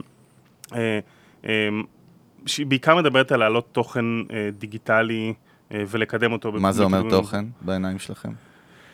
אז חשבנו על כל מיני דברים שעוד אה, זה, אבל, אבל גם אה, דברים שיוצרים passion for food, זאת אומרת תמונות מאוד מאוד טובות של שוקולד, סרטונים שלנו עושים דברים מאוד מאוד מגרים עם שוקולד, כאילו ברמת המוצר עצמו, אה, וגם קצת תוכן אה, אה, ברמת המסביב, סתם חשבנו עוד פעם, אני זורק רעיונות שעוד לא באו לידי ביצוע ואני גם לא יודע בדיוק מה יצא, אבל לעשות אה, סדרת קומיקס עם אה, פנדות, אה, כאילו עם המוצרים שלנו בתור דמויות, או כל מיני דברים שהתחלנו להעלות כרעיונות אה, פנדה, סתם, לא זוכר כבר, יש, יש את הרשימת זה, בסדר. אה, אבל, אבל, אבל כן התחלנו נגיד הספקנו איזושהי פרסומת ראשונה, פעם ראשונה בפורים האחרון, שקצת קידמנו. אה, בדיגיטל. בדיגיטל, בדיגיטל. עכשיו כשאנחנו מסתכלים קדימה, האסטרטגיה קצת השתנתה, כי חלק לא מבוטל מהסיבה שעשינו את הגיוס, זה מתוך רצון ל... להתרחב יותר לשוק הכללי, זאת אומרת להגיע לעוד נקודות מכירה שהם הסופרים הרגילים, ולהשתמש בזה כדי להגיע לקהלים שעד היום לא מכירים אותנו. אה, כשספציפית אנחנו מדברים פה גם על שומרי כשרות וגם על רגישים ללקטוז, כן. זה קהלים שהיום אנחנו לא מדברים איתם באופן מודע, חלקם מכירים, אנחנו עוד לא עשינו מהלכים שיווקיים אקטיביים שם. זה קהל פוטנציאלי אדיר. זה קהל כן. פוטנציאלי אדיר, אבל שלנו קצת יותר קשה לפצח אותו. אמ, פשוט עוד לא דיברתם אליו גם, ולא לא לא- לא תקשרתם איתו, basically. לא תקשרנו איתו, אבל הוא גם. קצת, הוא קצת יותר מבוזר, זאת אומרת, אין לך את קהילת כן. השומרי כשרות אוכלים בחוץ. כן, כן. ב- בזה. כן, אה, יוסי? זה ככה עובד? מה זה ככה עובד? לא, מה ברור זאת אומרת? שטבעונים הם- יותר סגורים בתוך קופסאות לא, אתה אומר למה? בגלל. שאצל דתיים וחרדים יש אלף קבוצות וכל אחד מתנהל לא, אין לך? קבוצה זה של פשוט לא סביב האוכל. כן. אה, זה לא סביב האוכל. זה לא issue, אתה אומר. אמ, עוד פעם, יש המוני שומרי כשרות במדינה, זה קהל ענק, כן. אמ, אבל אין לך את המובילי דעת קהל שהם ספציפית באוכל כשר, או... כן. דרך אגב. הנה gap, אפרופו מה שדניאל אומר, זה עוד position, מישהו יכול לתפוס אותו כ- כן. כמשפיען. אמ, אולי אתה, יוסי. אז אולי. אני משפיען אה. אז, אז יש שם אתגרים בלהבין מה מניע אותם ואיך אה, מפצחים את זה ו- ו- ומדברים איתם באופן אה, ישיר. ו- ומה עם הציבור הכללי? סתם מעניין אותי, כי עכשיו כציבור כללי, בסוף כ direct to consumer שיושב בכל סופר בסוף, על כל מדף של שוקולד, אתם לא רואים את ה brand ככזה? אנ- אנחנו כן, אבל השאלה איפה ממקדים את המאמצים השיווקיים. זאת אומרת, אנחנו חושבים שיהיה לנו יותר קשה לבוא לאדם שאין לו שום אינטרס מיוחד לקנות את המותג, זאת אומרת, הוא פשוט אוהב שוקולד. אז הוא ילך לפרה, כי זה ה brand לא, סתם אז- אז- כ go to. עזוב, עזוב. פרה כי זה באמת מותג הרבה יותר זול, אבל הוא יקנה לינט או גודייבה שהם על אותו משבצת מחיר שלנו. אמ, כי, כי אין מה לעשות, זה מותגים אירופאים מבוססים, יש להם הרבה אתוס שלנו עוד אין. אז, אז אנחנו כן, אתה אומר פעם, זה- זה אוקיינוס אדום יותר. גם היום יש לקוחות שהם, אה, אני אקרא להם סתם אנשים שאוהבים שוקולד ואוכלים את המוצר, אבל הם מגיעים לשם בזכות הפרסום שאנחנו עושים לקהל הטבעוני, וזה לא יעבוד הפוך. אם נעשה כן. פרסום שהוא סתם, תראו שוקולד טעים, אנחנו נפספס. לא, לא, אני מאוד מתחבר למה שאתה אומר, כי אנחנו גם מדברים בינינו שאנחנו בעידן של פרסונליזציה בכלל, ולהגיד, you can't sell to everyone, זאת אומרת, אני מאוד מאמין בזה. אז אצלכם מראש הכל הוא מאוד, אה, הולך לפי קהלים, לפי פרסונות, אתם מסתכלים על פרסונות ומנסים לכוון אליהם. אנחנו רואים את זה כתהליך, אם אתה שואל אותי אם בעוד חמש שנים היינו רוצים לכוון אה, פרסום שיגיע לכל בן אדם בישראל וימעניין אותו, אני חושב שכן, אבל אי אפשר להתחיל משם. זאת אומרת, אנחנו רוצים לבנות את זה מהקהלים שיש להם יותר צורך במוצר שלנו ולהתחיל להתרחב משם, כי אחרת זה, זה, זה לראות באפלה וצריך פה תקציבי פרסום הרבה יותר גדולים ממה שאנחנו יכולים אה, תגיד, לעשות. עכשיו, יש לכם בעצם את זרוע האי-קומרס הישראלית, אני קורא לה, נכון? זאת אומרת, סוג של, או... הם לא ממש, אנחנו עושים e-commerce רק בחגים. אה. למה? אמ, זו שאלה שאנחנו שואלים את עצמנו לא, זהו, הרבה מדי כביכול- פעם. כביכול- לכאורה זה ה overhead כביכול הכי השאלה- נמוך, כביכול כאילו. השאלה שלי באמת, ו- ועוד פעם, אני- אני חושב שהתשובה היא... איך אתה כבר יותר אומר את התשובה, יוסי? כי אני יודע הכל קודם כל. אה, אה, במקרה שלכם, אה, כביכול אני חושב שאולי יותר נכון כלכלית לשים את המוצרים שלכם בחנויות, מאשר להתחיל לשלוח עכשיו, כי כאילו אולי לא כלכלי לשלוח עכשיו לבן אדם, אתה יודע, טבלת שוקולד. שתי- הבעיה במשלוח שוקולד זה שהוא בישראל, זה שהוא צריך להיות. רוב השנה בקירור. וזה משלוח יקר. אמ, וכשעשינו את החישובים הבנו שכדי או לסבסד חלק מהמשלוח או לזה, אנחנו צריכים למכור בכמויות יחסית גדולות פר הזמנה. כן. אמ, יותר נכון לנו לשים את המוצר במקום שאנשים יכולים לג, מעניינת. לגעת בו אה, ישירות פיזית. ארה"ב לדוגמה, הסיבה שאנחנו באי-קומרס, זה כי ברור שלנו שייקח הרבה מאוד זמן, אם בכלל, כדי להגיע footprint למצב שבו פיזי. אנשים יכולים להגיע לזה בכל מקום בארצות הברית. כאילו זה, יש עוד, שם זה נכס אסטרטגי לטווח ארוך, זאת כי, אומרת- יש, כי אנחנו לא נגיע לשם פשוט. רגע, אבל, אבל לכאורה, קודם כל נתת נקודה מדהימה שגם מראה שלא לכל עסק e-commerce בשלב מסוים הוא טוב. זאת אומרת, זה, זה גם נקודה מעניינת. לפעמים אתה חופר פנימה, אתה אומר, אוקיי, על פניו זה נראה overhead מאוד נמוך, כי אין לי כאילו overhead, אבל הנה, דרך שאתה לא, לא. מפסיד כסף, זה, לא לא, מרוויח. זה פחות ה overhead, כמו אין לי את הבן אדם באמצע שאני מפסיד עליו. זה, זה היה כאילו הקטע לא, של... אבל של נגיד נכון, e-commerce. חנות שהיא פיזית brick and mortar, אז ברגע שאתה מעביר אותה ל e-commerce, אז כל ה expense הזה יורד. אין ספק, ש, אין ספק שכשאנחנו מוכרים למפיץ שצריך למכור לחנות, הרווח הגולמי שלנו פר יחידה הוא הרבה יותר כן. קטן מאשר אם היו מוכרים ישירות. אבל תוסיף לזה עלות של בן אדם של אורז וסבסוד משלוח, נכון. ו- ושירות לקוחות וכולי, זה לא בהכרח יוצא כזה משתלם. לא, השאלה היא אם ניסיתם לראות, כאילו, אם יש לכם נגיד אה, חבילות של חמש טבלאות שוקולד, שם זה משתלם, ואנשים גם יקנו לא, את בגלל זה. זה הוא אמר לך חגים, יוס, כי זה אז- מייק סנס זה יותר חגים, זה בחגים. ברור. אז, בסדר. אז, לא ניסינו, זאת אומרת, ממש בהתחלה, אני מדבר איתך על 2016, כן מכרנו יותר אינטרנטית לפני שהיינו בחנויות, כן. אבל זה, זה, זה משהו, ראינו את זה בגדול כמשהו שאו שאנחנו עושים אותו או שאנחנו לא עושים אותו, זאת אומרת, או שאנחנו לוקחים בן לא. אדם כן. רק על זה שיהיה אחראי לארוז משלוחים ויעשה את זה טוב, או שאנחנו לא עושים את זה, לעשות את זה בין לבין זה לא, זה לא לפה ולא לפה. אה, בגלל זה הפתרון שלנו כן היה פעם, פעמיים בשנה בחגים, אה, לעשות מארז שהוא גם מוצרים שאין אותם בחנויות, שהם משהו מיוחד, כן. אה, ולמכור אותו, ואז אנחנו יודעים שכאילו יש חודש וחצי ברצף, שכל מה שהחברה הזו עושה זה את זה. אוקיי. ואז, ואז אפשר לעשות את זה. אה, אבל, זה, אבל זה, זה לא משהו שרצינו לעשות בשוטף, כי זה, זה פשוט הסחת דעת ממה שאנחנו באמת צריכים לעשות. כי, כי אני אגיד לך, כי אני חושב על לא עכשיו, אבל, אבל כאילו כל הזמן אני חושב על, אוקיי, מה יהיה מצב החנויות בעוד שלוש שנים, בעוד חמש שנים? האם אנשים עדיין ילכו לחנויות האלה? אה, אה, ויכול להיות שגם אותן חנויות עצמם הם אלה שיעשו את האי-קומרס, כאילו, בדיוק. ולא אתם. לא, מה ש... אני, אני חושב שמה שאמרת בסוף זה כן. נכון. זאת אומרת, בסוף אם שופרסל פותרת את בעיית המשלוחים בשביל עצמה, אז אנחנו נהיה במשלוחים של שופרסל. אני לא צריך לפתור בעצמי את אבל המשלוחים זה- בשביל שתי אבל טבלות. לא שוקולד. חסכתם, זו הבעיה. כאילו לא הרווחתם נכון. יותר נכון. יותר נכון, אבל, אבל עוד פעם, כן, ויכול להיות שהכמויות יעלו, ואז אתה מרוויח יותר. אבל, אבל, אבל הסיבה, הסיבה שיש מרווחי תיווך ב, בחנויות ובהפצה, זה כי זה עולה כסף. זאת אומרת, אני לא... לא- נכון, כן. זה זה- כמו- זה- זה כמו שכולם בוכים על וולט, אבל בסופו של דבר וולט חוסכים לי מערך שליחים, מייצרים לי עוד revenue stream, נכון, מה לעשות? אה, נכון, ואני אתן עוד דוגמה, אנחנו, היה לנו אה, אה, עד לפני אה, שנה, כשהיינו בירושלים, חלק מההפצה של החנויות הייתה עצמאית, הייתה לנו נהג שעושה את זה בעצמו. אה, מאוד אהבנו את זה, כי ראינו שזה נותן לנו תקשורת ישירה מולם, ומישהו שמגיע פיזית וכולי, כי אין לנו סוכן שמסתובב בשטח. כשעברנו לטבעון החלטנו שאנחנו מעבירים את ה... אנחנו עדיין אחראים על התקשורת עם החנויות, אבל יש חברת שליחויות שעושה את הלוגיסטיקה בשבילנו. אמ, זה יותר יקר, אבל כמות השקט שזה מייצר בתפעול, כן. היא שווה את זה לחלוטין. אז, כן. אז, אז בגלל זה אני אומר ש... הסתכלנו על e-commerce כאו או all in או לא, ולא ראינו שזה משתלם לנו לעשות את זה בישראל all in. ויש לכם איזושהי מחשבה לייצר אה, שוקולד שמיועד לתחומים תעשייתיים יותר, למסעדות, לקינוחים, לכל מיני כאלה? לא? ניסינו את זה. זה מהלך אה, שגולדה נגיד עשו, בסוף הם מייצרים את ה... זה לג- של הגלידה לכל גלידריה בארץ. ניסינו את זה. לא, אה, אבל זה יכול להיות מפוקוס. לא, עוד- נגיד, עוד- עוד אתה לפני- מדבר על מסעדות, כן, לבתי כן. מלון. ניסינו כן. את זה עוד לפני הקורונה, והתחלנו לבדוק, ומה שהבנו זה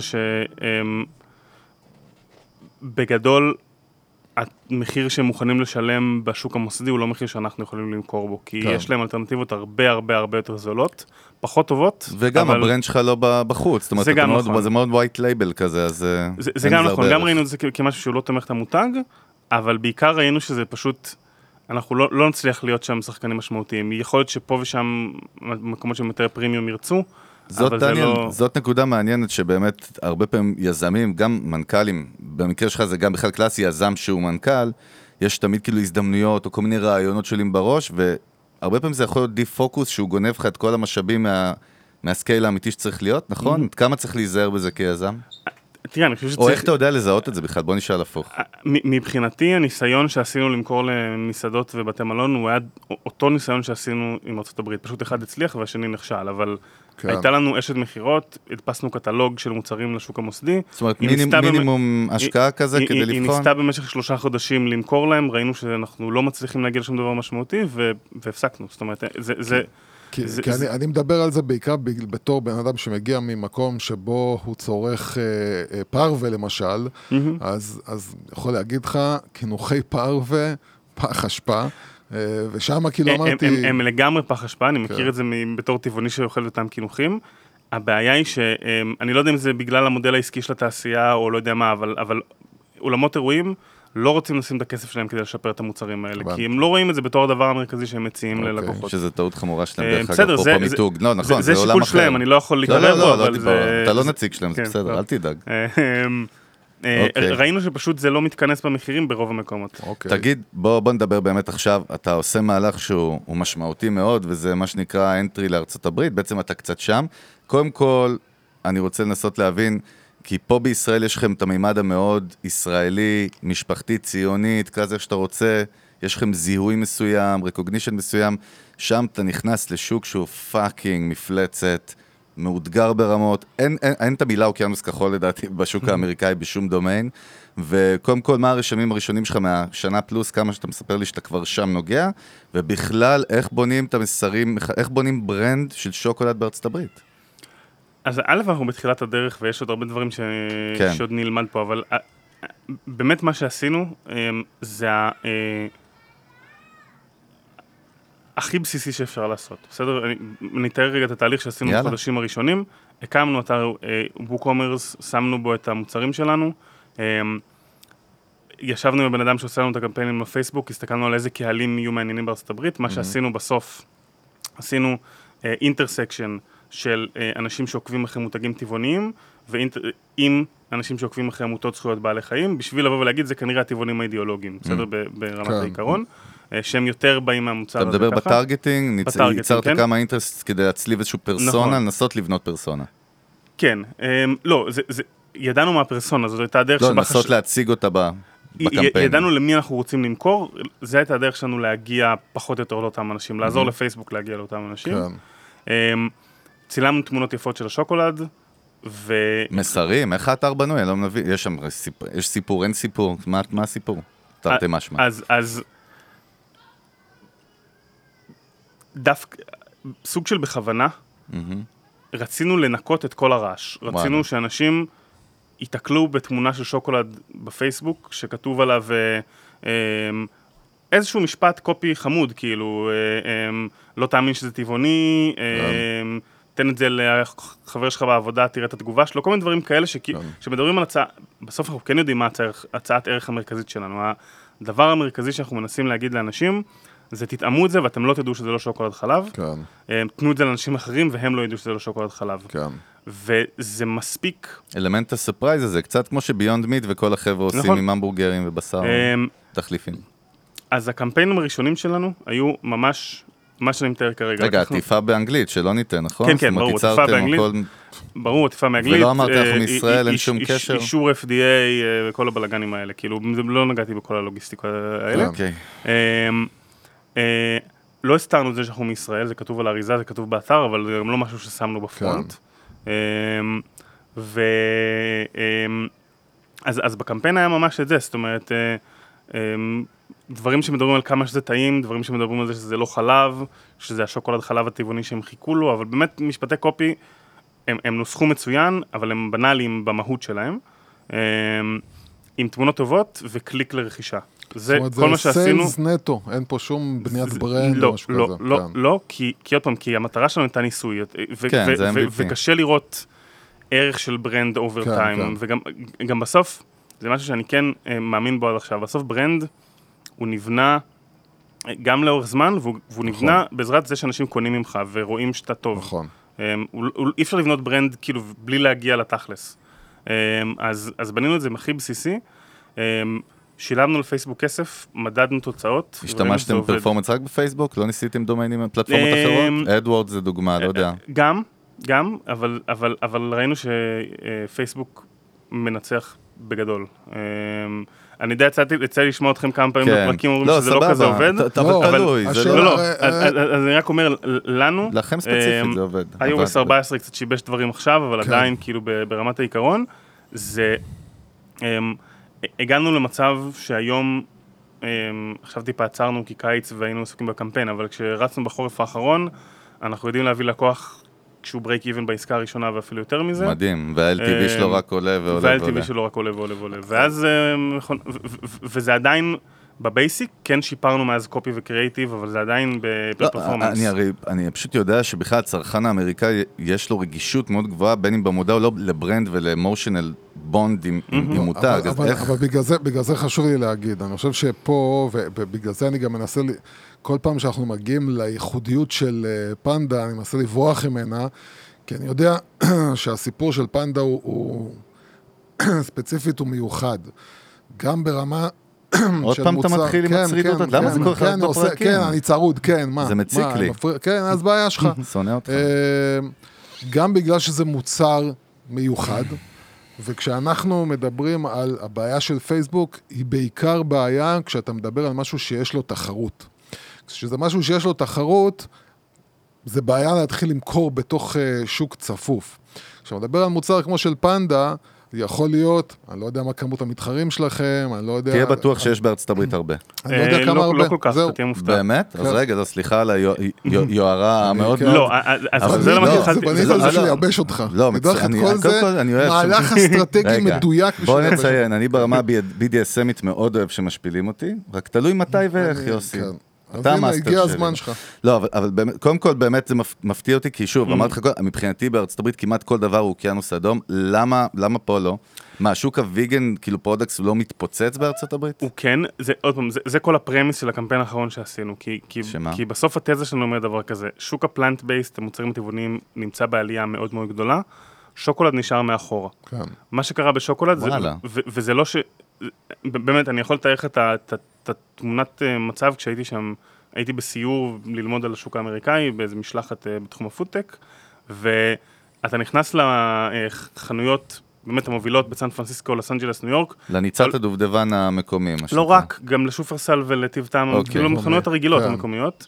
אמ, ואתה הולך לתחליפי בשר ויש לך שבע מותגים, אתה הולך לגבינות טבעוניות, מדף יפהפה של שמונה מותגים, אתה הולך לגלידות, אותו דבר, אתה מגיע לשוקולד וזה פשוט עצוב, יש לך רק שוקולד מריר, עצוב אך משמח לשוקולד פנדה, כן? מאוד משמח מעניין. לנו. אתה אומר, יש פה ו- gap, כאילו. gap מאוד מאוד משמעותי. מעניין. עכשיו, אני אסייג אותו ואני אגיד שזה לא לגמרי נכון, יש מותגים שמדברים על vegan milk chocolate, הם לוקחים את זה מאוד מאוד חזק לעולם הבריאותי. צריך לשאול למה- מייצרים... המסר אתה מדבר. א', א', א', בתפיסה המיתוגית, אתה יודע, הם מדגישים את זה שהם אורגניים, וקקאו גבוה, ובלי סוכר כן. וכולי, אז אבל אני- אני ב', מסכים איתך זה טעות דרך אגב. אני- אני לא יודע אם זה לא- טעות, אני לא זה הדומיין שלהם. חושב, שבאמת, אני אגיד לך למה זה טעות. כי גם האנשים שהם מכוונים עליהם במסר הזה, בסופו של דבר רוצים טעים. אז אני לא יודע, זאת אומרת, יש מותגים, זה אה, אתה אומר, יש- יוסי, יש- לא. יש שוקולד פלאו. טבעוני שעשה עכשיו אקזיט ב-300 מיליון דולר, שהוא משחק בדיוק על הטיקט הזה, הם עושים עבודה מצוינת, אבל... אמ, אפרופו לא מצליח, יוסי, כן. כן, אם לא, הוא הצליח. אבל... רגע, רגע, שנייה, שנייה. למה אתה ישר לא מצליח? אני לא אומר לא מצליח, אני אומר, גם אותו בן אדם שרוצה את כל הערכים שאתה מדבר עליהם, הוא רוצה טעים. יוסי, אף אחד לא לא, לא, מוכר מוצר לא- לא חרוב מגעיל. רגע, רגע, אתה אז אני? רוצה לחדד, אני אני לא אומר שהם לא טעימים, אבל הם לא שוקולד חלב. מי שאוהב שוקולד מריר, בדיוק. עם אחוזי קקאו גבוהים, מעט סוכר וטעם של קשיו, כן. אחלה, באמת יש מוצרים טובים, פשוט, אני לא רוצה... אתה ביונד meat של שוקולד, זה נכון, כאילו זה- basically ה... אבל רגע, מה שאתה אומר, אני באמת באתי לשאול משהו אחר. למה יש את ה gap הזה? זאת אומרת, זאת גם שאלה שצריכה להישאל בממד העסקי, שם. אבל יש לך איזו תובנה? אני לא יודע להגיד. אני חושב שאו שהם לא מבינים מספיק את השוק, או שהם... אני אה, חושב שהם אה, נעולים- זה, הם אה, נעולים באקסיומות שהם מכרו לעצמם. אבל, אבל, אבל כשרא... אם, אם אתה רגע מחזיר אותנו טיפה אחורה, כשראינו את ה gap הזה, אמרנו יש שתי אופציות. או שאנחנו לא מבינים את השוק כן, ולא או צריך את זה, בדיוק, אין ניד או אמיתי. שאין אה, פתרון. ומתוך הדילמה הזאת הקמנו את האתר. רצינו לראות יפה. האם, מי טועה? אנחנו השוק, בסדר, כן. נקרא לזה ככה, ו, ובגלל זה, הבחירה לא להיות ברנד וסיפור היא הייתה בחירה מודעת, רצינו לתת לאנשים שוקולד חלב טבעוני ולראות איך הם לראות, מגיבים, בלי לספר להם שום דבר. גם. קודם כל להבין שאתה לא יודע שום דבר עד שאתה לא מנסה. זאת אומרת, לעשות, לה- להעריך כל מיני אה, אה, הערכות זה נחמד, אבל בסוף אתה חייב לשים מה שנקרא קצת כסף על ניסיון וטעייה.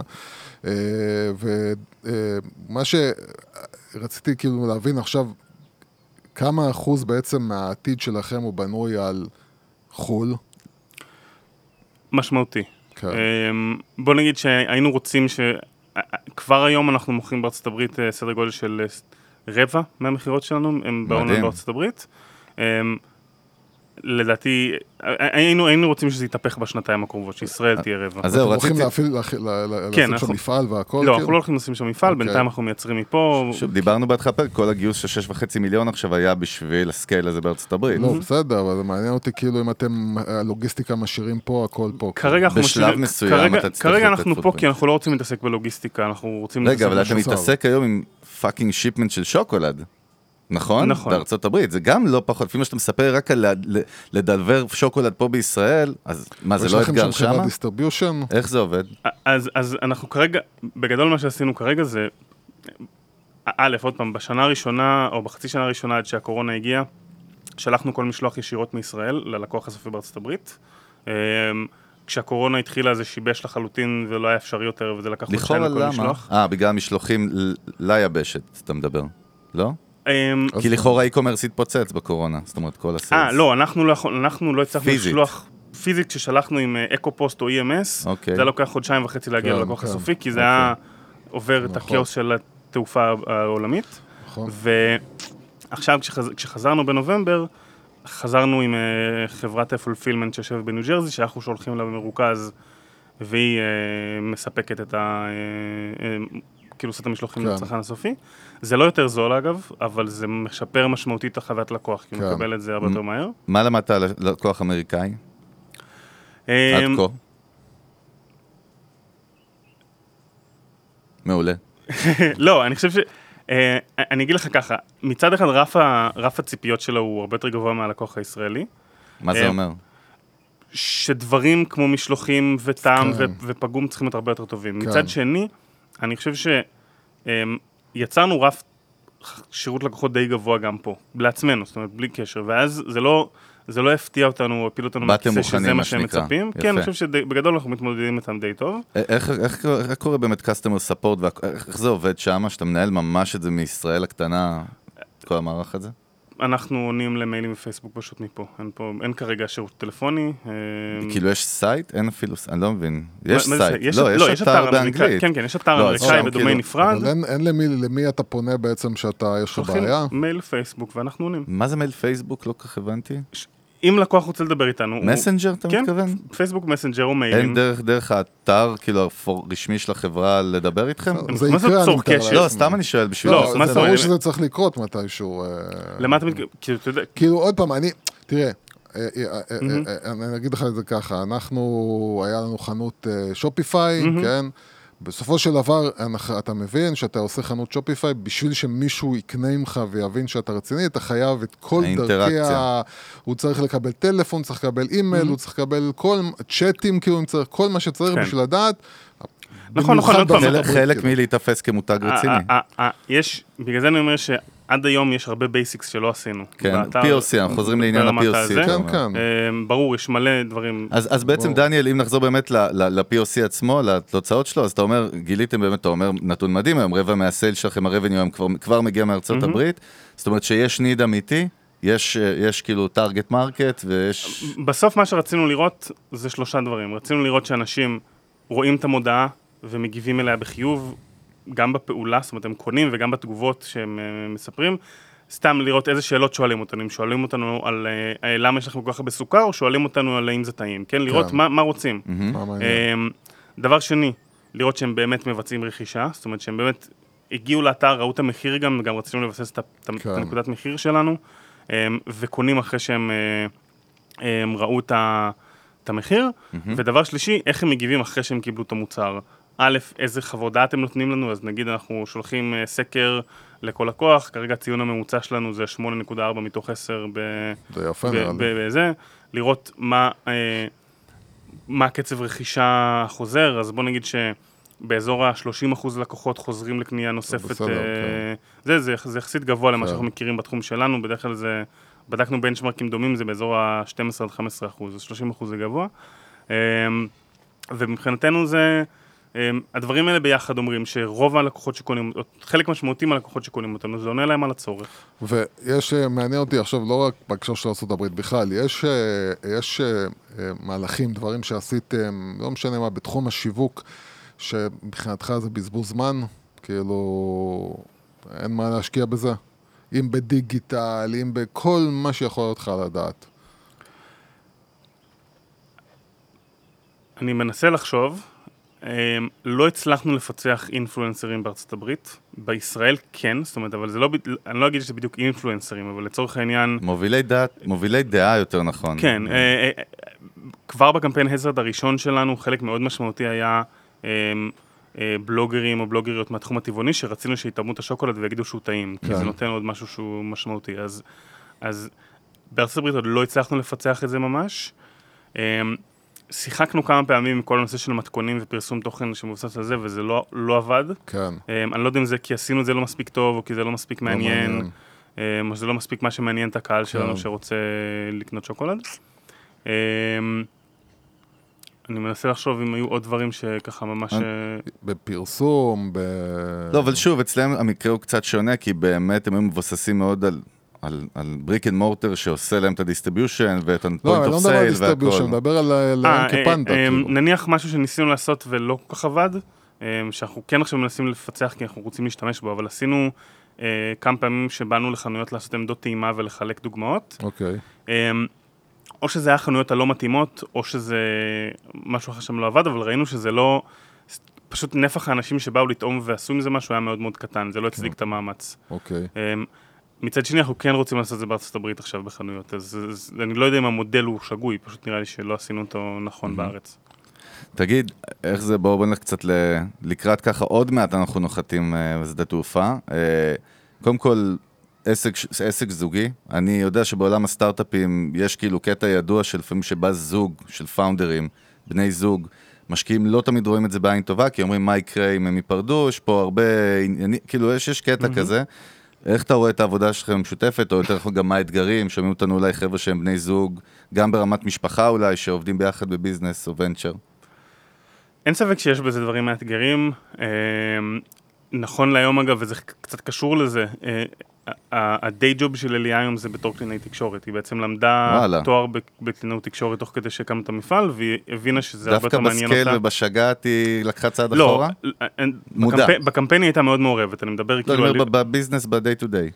אה, כן, ברמת ה business השוטף, היא, היא הבינה, אה, עשינו ככה כל מיני ניסיונות, כל מיני תפקידים בתוך העסק, והיא הבינה שיותר מעניין אותה להיות קלינאית תקשורת, שזה אחלה, וזה מאוד, כאילו, היא מאוד מאוד אוהבת לעשות את מה שהיא עושה. מדהים.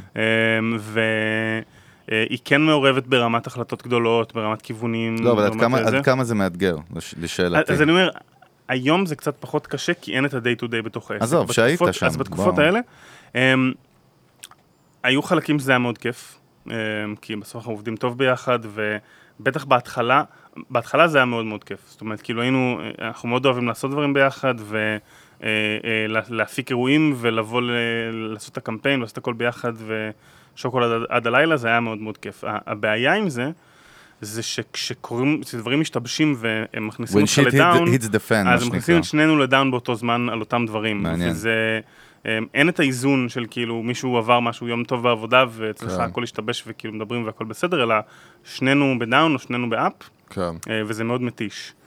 אמ, זה, ו- ובאמת, כש, עם הזמן, כשאליה נכנסה יותר ויותר ללימודים והבינה שזה, היא בעצם התרחקה מהאופרציה היומיומית, אז לאט לאט הבנו שזאת הדרך היותר נכונה. ואיך איך בתור אה, מנכ"ל, יזם, איך בעצם העבודה שלך מול הנושא הזה של שיווק, או, או מישהי שהיום אחראית על שיווק, branding ו marketing, מה, איפה אתה, איפה אתה, מה שנקרא, מכניס את עצמך, ואיפה אתה לא מכניס את עצמך? אמ, אני מכניס את עצמי איפה שאני חושב שצריך. בגדול יש ל- יש יחסית הרבה אוטונומיה שנבנתה עם הזמן. זאת אומרת, זה התחיל מן הסתם כ- כיותר מפוקח, ולאט לאט אה, אה, התרחב כש... כשהבנתי שאני יכול לסמוך עליה. והיום את רוב הדברים יכולה להחליט בעצמה, בטח ברמת ה... אה, עם איזה ספק לעבוד ואיזה קריאייטיב ואיזה סרטון ו- וכאילו דברים בסגנון הזה.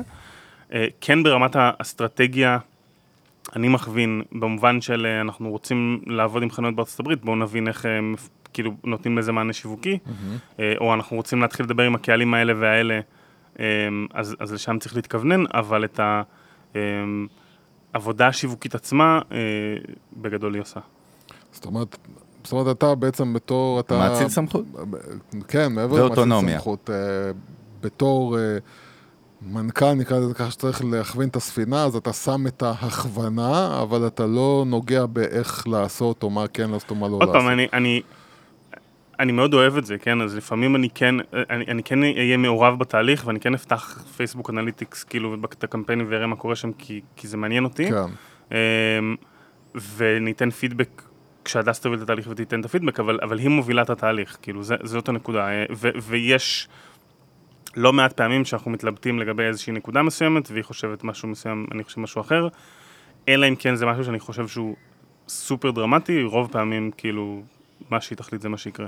ו- ואיפה אתה, איפה באמת כל אה, יזם, מנהל, מנכ"ל, לא משנה איך תקרא לו, שמוביל עסק, איפה הוא צריך לשים, אתה מדבר שאתה פותח analytics, כאילו, איפה כדאי לעקוב אחרי הדברים, איפה... לא, עד איפה אתה אמור לשלוט ב data, הרי שאתה CEO ועכשיו כשאתה גודל ואתה מרגיש את זה בבשר שלך ממש ב scale, הכל מתרחב, אתה לא יכול לרדת לפרטים הקטנים כל הזמן הרי, אבל שאלה היא יותר, אנחנו טוענים תמיד שיזם ו slash CEO, הוא חייב להבין את ה basics לפחות של כל דומיין בעסק. נכון. עד איפה זה? זאת אומרת, עד איפה הגבול הזה לדעתך? אני, אני לא חושב שיש איזה גבול ברור שאתה יכול לבוא ולהגיד. אני חושב ש... את כל האספקטים, אני אגיד את זה ככה, אין אספקט בעסק שאני לא יכול לעשות בעצמי, אם הייתי רוצה. בסדר, גם הקמפיינים בפייסבוק, יש לנו איש דיגיטל מעולה. אם הייתי רוצה, אני יכול לעשות את זה בעצמי.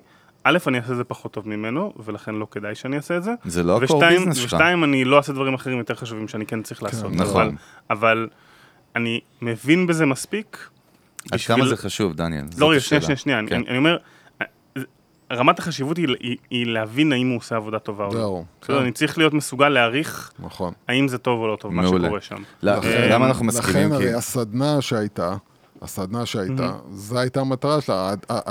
הטענה הייתה שבתור יזם סלאש בעל עסק, מנכ"ל, יש דברים שאתה חייב לדעת איך הם עובדים. אנחנו לא רואים, אנחנו רואים כל כך הרבה, וגם פונים אלינו כל כך הרבה מקרים של ההוא דפק אותי, הסוכנות הזאת אה, זימברה אותי, ואתה יודע, רוב התשובות שיוס ואני נותנים זה זימברו אותך, כי כשאתה בוחן בפנים, אתה מגלה שהבן אדם לא באמת התעניין, לא באמת הבין, התלהב, אמרו לו, מכרו לו, וברגע שהיה לך איזשהו basic knowledge, יכלת למנוע את זה. תשמע, אתה, אתה אני שומע, חושב אתה שומע נכון. סיפורים כמו כאילו, לקחתי חברת דיגיטל, לא שמו לי, לא חיברו אותי ל analytics. כן. כאילו, האתר שלי לא מחובר ל analytics. אז, אז, אז אני, אני, אני חושב שזה באמת חש, כאילו, חשוב להבין את ה basic ומעבר לזה.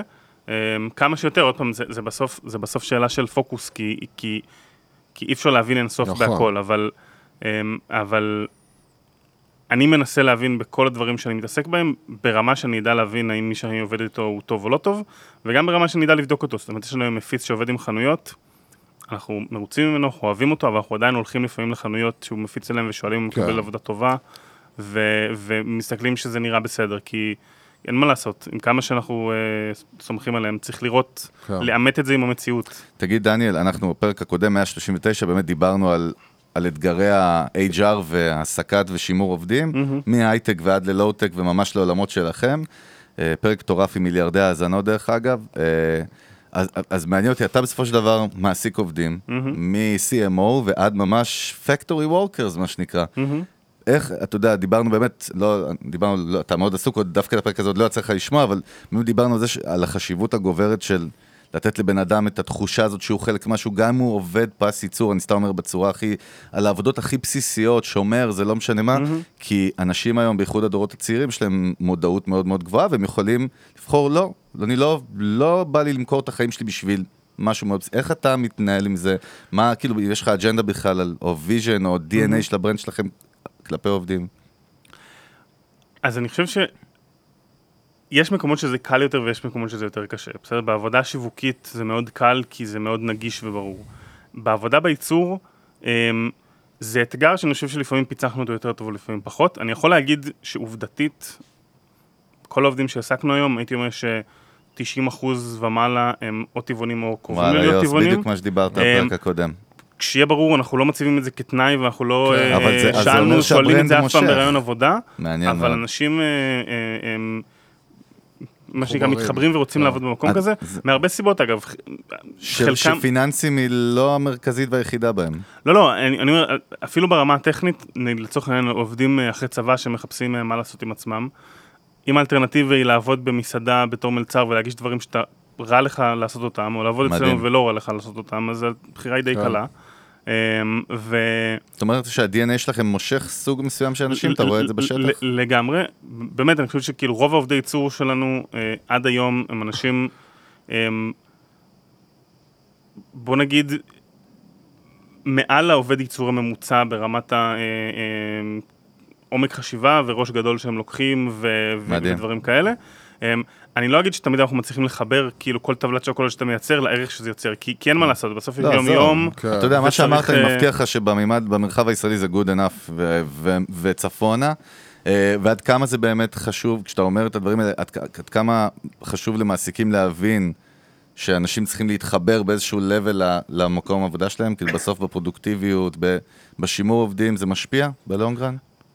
אין לי ספק שזה מאוד משפיע, כאילו, באמת היו איתנו עובדים ב- בירושלים שנשארו איתנו שנתיים, שנתיים וחצי בעבודת ייצור, זה, זה מאוד חריג, זה עבודות שהקצב. ההחלפה בהם הרבה, הרבה פעמים הרבה הרבה יותר גבוה. אמ, עוד פעם, זה, זה, זה, זה לא רק קשר אידיאולוגי, זה חלק, זה חלק אחד, אנחנו מנסים כמיטב יכולתנו להיות טובים לעובדים שלנו כן. במה שאנחנו יכולים לעשות, אמ, ואני, ואני חושב שזה עובד. אמ, ו... אני, אני חושב שבסוף זה, זה שאלה של מה רוצים להשיג, זאת אומרת, היכולת לסמוך על העובדים כשאני לא שם, ולדעת שהם יעשו את המקסימום שלהם, ויבדקו בעצמם אם האיכות טובה או לא טובה. אמ, אי, אפשר, לשלם על זה. כאילו לבוא ולהגיד, טוב, אני אתן לך עוד שלושה שקלים, כן. ואז כאילו תעשה, צריך להיות תעשה, אורגני. תעשה את זה. כן. אמ, ו, ו, ו, וזה בא מתוך מוטיבציה פנימית, והיא מאוד מאוד חשובה. אני אמ, חושב שדן אריאלי, פרופסור דן אריאלי, לא מזמן פרסם, נכון, הייתה לו איזו הרצאה שהוא דיבר על שחייבים להתחיל להסתכל על עובדים כמשאב, או הפוך, כי לא, אני לא זוכר מה זה היה שם, שהוא אמר ש... יוסי, כן, תציל אל, אל אותי. תגיד דברים שאתה לא יודע אני מה... לא רוצה לפתוח מה- כלכליסט עכשיו, להיות לי חשוב, דושבג. לא, לא, לי, לי, לי, בוא, בוא, אני יודע, נלך לקראת סיום. סיום כזה. תן לנו את כמה עצות זהב שלך לכל אה, יזם שמקשיב לנו. אה, אם אתה מסתכל אחורה ככה על התקופה ועד היום, בכל נושא, בכל עניין, מה העצות הכי חזקות שאתה מאמין בהן שיעזרו ליזם להצליח במסע שלו? אוקיי, זה שאלה לא כבדת לא, משקל כן, בכלל. זרום, זרום, זרום, אל אה, תילחץ מיוסי, הוא נראה כמו בגסטאפו, אבל לא להילחץ. אני חושב ש... אז-. אני אשלוף מהמותן כמה דברים, ואני כן. מקווה שזה שזה יפגע, אבל... אני חושב שדבר ראשון, אמ, לחשוב פחות ולעשות יותר. זאת אומרת, ל- לרדת מהרמה של התיאוריה והמחשבות, לפגוש את המציאות. אמ, יש אנשים שקוראים לזה להיכשל מהר, אני לא יודע אם להיכשל מהר זה דווקא המטרה, המטרה יכולה להיות להצליח מהר, כן. אבל, אבל, אבל לפגוש את המציאות מהר. זאת אומרת, בסוף, כמה שלא נבנה סיפור יפה ומותג טוב וכולי, הוא צריך לפגוש צורך מציאותי בפועל, והיכולת שלנו להבין בראש מה באמת הולך לקרות, היא מאוד מוגבלת, כי אנחנו uh, בתוך ההטיות הקוגניטיביות שלנו ומה שאנחנו רוצים להאמין בו, וצריך לבדוק את הנתונים האלה בפועל, וזה משהו שהוא uh, um, מאוד חשוב, והייתי אומר שכמה שיותר מהר, ובמחיר מודע של לוותר על uh, נראות ועל uh, גימור ועל כל מה שאפשר לוותר עליו שהוא כן. לא ב- במהות של מה שאתם עושים, um, כמה שיותר מהר לפגוש את השוק ולהתחיל להבין משם, כאילו, כי, כי, כי, כי הסיבה שאמרתי את מה שאמרתי בהתחלה, שאם היינו מגייסים 6.5 מיליון שקל בעשרת הראשון, לא. בטוח שהיינו פה, כן. זה מה שקרה כי- לנו בסטארט-אפ הראשון שלנו. כי- ה burn rate היה כי לא היה לנו מטורף. מושג על מה להוציא אותם. כן. כאילו באמת לא היה לנו מושג על מה להוציא אותם, היינו מביאים את האנשים הלא נכונים, היינו קונים את המכונות הלא נכונות, היינו עושים scale-up לדבר הלא נכון, ו... וזה... אה, ל... זה לקבל בואינג ליד לפני שאתה יודע כן. להטיס אותו. אז, אז, אז, אז לפגוש את המציאות כמה שיותר מהר ולבחון את התיאוריות בפועל. אני חושב שזה כאילו הדבר המרכזי. והדבר השני, אמ, אני חושב שזה להתייחס ללקוחות בהרבה מאוד כבוד. כאילו, בסוף אנחנו... אה, אמ, אני לא אגיד ש... אני לא אגיד שתמיד הצלחנו עם כל לקוח, אבל אני יכול להגיד שכאילו כמות הלקוחות שקנו מאיתנו, אה, נגיד בחגים או דברים כאלה, ויצאו לא מרוצים בסוף אחרי כל מה שניסינו לעשות, היא... כאילו, היא ספורה על כף ידי ואני כנראה זוכר את השמות שלהם, כן. כי, כי, כי באמת ניסינו הכל, אמ, ו... ו- וזה משהו ש, ש, ש, שבאמת אנחנו שמים עליו הרבה מאוד דגש. יש פספוסים, אבל, אבל לנסות לעשות מה שאנחנו יכולים בשביל לתת ללקוח בסוף את הפיצוי ההולם, את הדרך שהוא ירגיש שלקחנו אותו ברצינות והתייחסנו אליו בכבוד. חלק מהלקוחות הכי טובים שלנו היום זה אנשים שפישלנו איתם ממש, ואז הצלחנו לקנות את האמון שלהם בחזרה בזכות אה, זה שהראינו להם והתאמצנו ו... כן. ו- וזה, אז אני חושב שזה... מעניין, זה לא איזה פיצוי, יותר כמו ההרגשה ש... אה, שהייתי חשוב לך, זאת אומרת, כלקוח. לגמרי. אה, רוב הפעמים את השיחות האלה אני עושה בעצמי, אה, מתוקף העובדה שברגע שאני התקשרתי זה כבר נותן אה, אלמנט של אכפת לי ממה שעובר לכם בראש. אה, אני יכול להגיד שבאמת 90% מהמקרים הם פשוט רוצים שיקשיבו להם ברצינות, כאילו, כן. ואז סבבה, ברור שנמצא פיצוי הולם, אבל, אבל זה ה- אה, התוצאה, זה לא התהליך. כן. כן, טוב, לקראת סיום ככה, לקראת, אנחנו כבר בסיום, אנחנו כבר בדיוטי פרי, חזר, נחתנו. עוד שנייה, מוציאים אותי מהמטוס כבר. לא, אם אני בדיוטי פרי אז אני אחרי המטוס. לא, למה- כל דבר צריך להיות מסובך? יוסי, אני מנסה לא להכניס. אתכם למוח שלי מה, קצת, אנחנו לראות רשת איך... ג' ב-86 כאילו? תגיד, דני, איך אתה מתמודד? אני בטוח שאני רק שומע על סוג העסק שלך ועל על הניהול ועל הסקייל, זה כאילו חלילה לבפלה של לחצים בסופו של דבר וכיבויי שרפות אינסופיים. יזמות זה לא ורוד, זה אנחנו יודעים, זה, זה ג'ונגל. איך אתה ברמה האישית שלך מתמודד עם לחצים מנטליים? שאלה, אה, אני רוצה להוסיף נקודה למה שאמרתי. קודם, כי אני חושב, ש... אני חושב שבסוף, בסוף, בסוף, מעבר לכל מה שאמרתי עכשיו, בבסיס של זה עומד היכולת לנהל את עצמנו אה, כיזמים. כאילו זה, אם זה לא מצליח, אז אף אחד מהדברים האחרים לא שמה יוכל זה לקרות. אומר? אני אתן דוגמה, כאילו, באמת, את הקמפיין הזה, וזה אה, ככה, חלק מהאנשים שמכירים אותי יודעים. השקנו את הקמפיין ב, אה, ממחלקת אה, ילדים בבית חולים כרמל, כי הבן שלי היה מאושפז שם שלושה שבועות. את כל הזומים עשיתי מהחדר החיות של עם המשקיעים, כאילו עשינו אה, מטורף. אה, זה, ובזמן הזה הכל קרה, כאילו משרד הבריאות בא לו ביקורת, והמפעל עשה ככה, ותקלה במכונה, והכל כאילו בשלט רחוק מתוך כן. זה, וזה לא פשוט, כאילו, לנהל דבר כזה. אני... אה,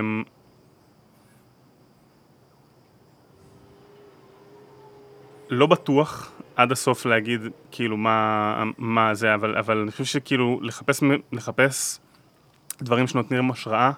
אני מאוד מאוד אוהב לקרוא ספרים ודברים שיזמים אחרים כותבים, כי די מהר אתה מבין שלא רק אתה כאילו כן, בבאסה, כן. אלא זה, זה פשוט חלק מהתהליך, וזה מאוד עוזר, לראות את הפרספקטיבה ולהבין שכאילו אי אפשר, אי אפשר, באמת אי אפשר לעשות דברים כאלה בלי אה, אה, זה.